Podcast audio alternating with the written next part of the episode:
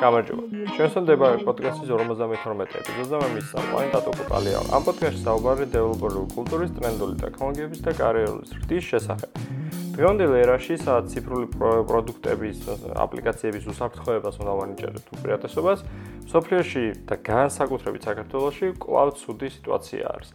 მართალი ბოლო წლთან შედარებით გაუმჯობესდა ვითარება, ო, მართლა გაუმჯობესდა წინა წლთან შედარებით, ცნობადობა გაიზარდა და რაღაც რესურსების გადათამაშება დაიწყეს ამ კომპონენტის მხარესაც, მაგრამ კლაუდ თუ რაიმე ცუდი უნდა მოხდეს, ეს მერფის კანონი რო გავიმეოროთ, აუცილებლად მოხდება.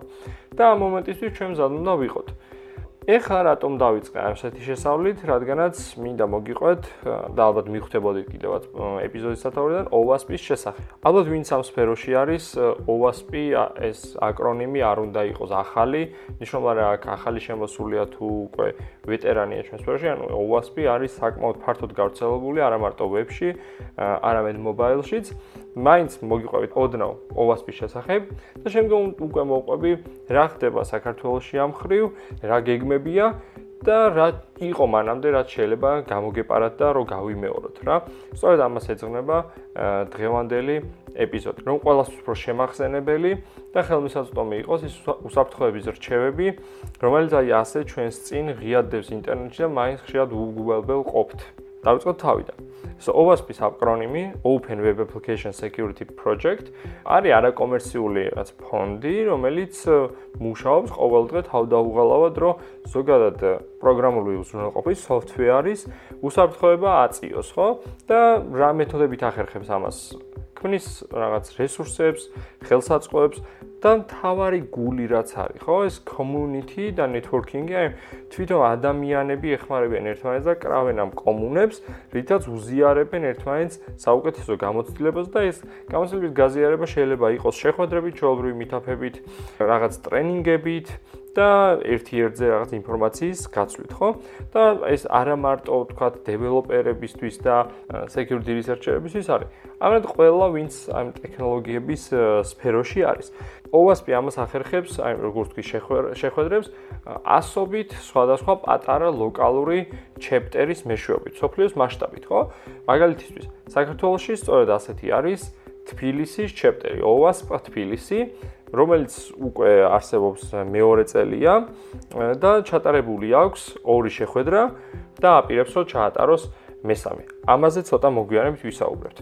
მოდი ახლა ვისაუბროთ ეს OWASP-ს რა ხელსაწყოები აქვს, რა სახით გვთავაზობს ამ დოკუმენტაციას. OWASP-ის ყველაზე ცნობილი ასე პროექტი, რამოდენიმე პროექტი აქვს, ყველაზე ცნობილი არის OWASP Top 10, რომელიც ყველას პირზე აკერია, თითქოს და ყველა მიცის. მაგრამ ძალიან ცოტა რომ მართლა მისდევდეს და ხშირად იყოს დააკავებული ამის წინააღმდეგ რომ საკუთარი აპლიკაციები გადატესტო. რა არის OWASP Top 10? ნუ ვებისთვის და მობაილისთვის აი ეს ცალ-ცალკე რო ვისაუბროთ. OWASP Top 10 არის რაც რეგულარულად განახლებადი რეპორტი სხვადასხვა უსაფრთხოების გასამაგრებლად და ჩვენ გვაქვს ინფორმაციას პოტენციურად სად შეიძლება ვიპოვოთ ისეთი ხრელები ჩვენს web to mobile აპლიკაციაში, ხო?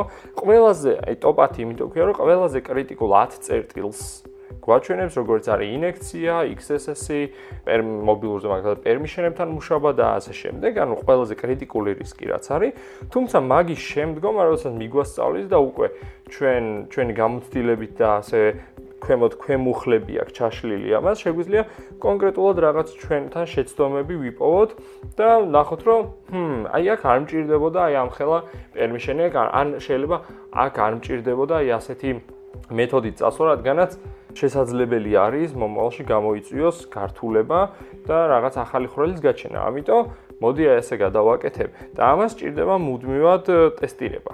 მივადექით ტესტირებას.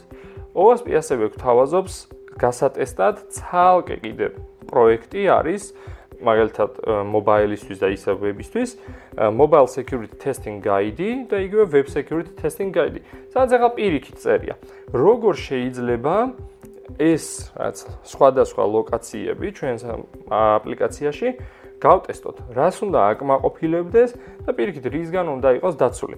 მაგალითად, Android-ის კონტექსტი რო ავიღოთ. როგორ შეიძლება რომ დავიცვათ თავი მეტ უფრო მეტად reverse engineering-ისგან, როგორ შეიძლება რომ ეს გაურთულოთ ადამიანებს, თქვათ, სტატიკური ანალიზი. როგორ შეგვიძლია რომ დავიცვათ ჩვენი storage-ი კრიპტოგრაფიასთან, როგორ უნდა ვიმუშაოთ. ანუ ეს mobile-ში key story key chain-ი ეს Android iOS-ის ამბები როგორ გამოვიყენოთ, რა არის ეს key rotation-ი, რომელი ალგორითმებით დავამუშაოთ, რა არის RSA, რა დროს ჯობია RSA-ის გამოყენება. აი ძალიან ძალიან დიდი წასაკითხი ციგნივით არის, რომელიც აბსოლუტურად უფასო არის.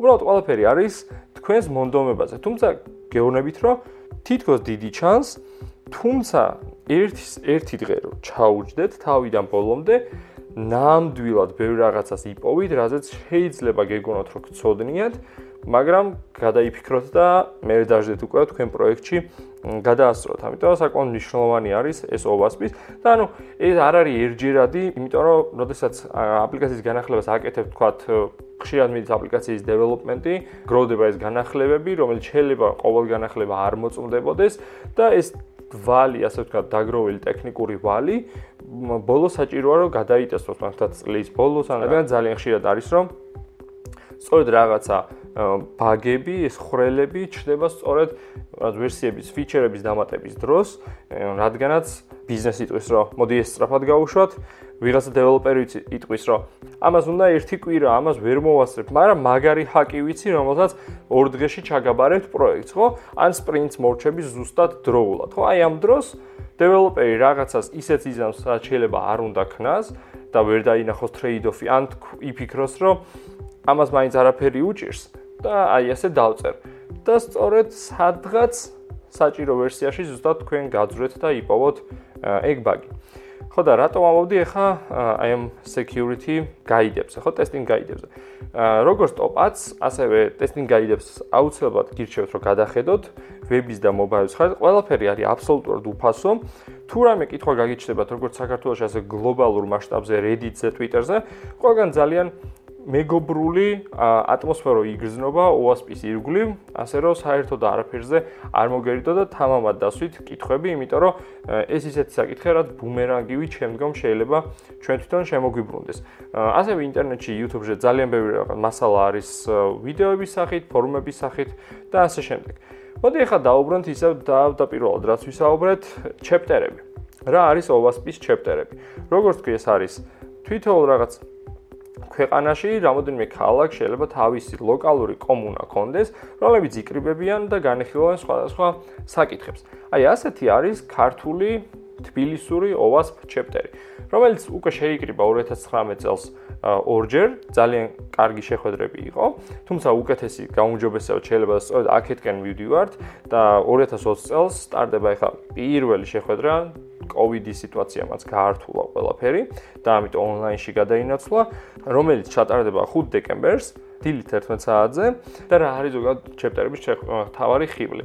ჩეპტერებში განხილვა არის ვების ხრივ, სერვერის ხრივ, Android-ის ხრივ, ყველა აზიარებს თავის გამოსლებას, როგორ შეიძლება რაღაცები ვიპოვოთ, როგორ შეიძლება დავიცვათ, რა არის ზოგადად ახალი მეთოდიკა, კონკრეტული ტექნოლოგიების მიერ შემოსული ის ხელსაწყოები, როგორ შეიძლება ვიხმართ, მაგალითად ერთ-ერთი შეხვედრა OWASP-ის თბილისის ჩეპტერისაც იყო, იყო Suite-ის თავიდან ბოლომდე გარჩევა და რაღაცა რჩევების მოცემა უკვე ადამიანებისგან, ვის დიდი ხანია Suite-ს იყენებენ. ან შეიძლება იყოს რაღაც კარგი პლაგინების გაზიარება, როგორ შეიძლება ვთქვა ეს პლაგინი დაგვიხმაროს სხვა სხვა პრობლემის ტესტირების დროს და ასე შემდეგ. ანუ თემები არის შეუზღუდავი. თავარი არის ეს კომუნა, რომელიც ერთმანეთს გვერდით დაუდგება.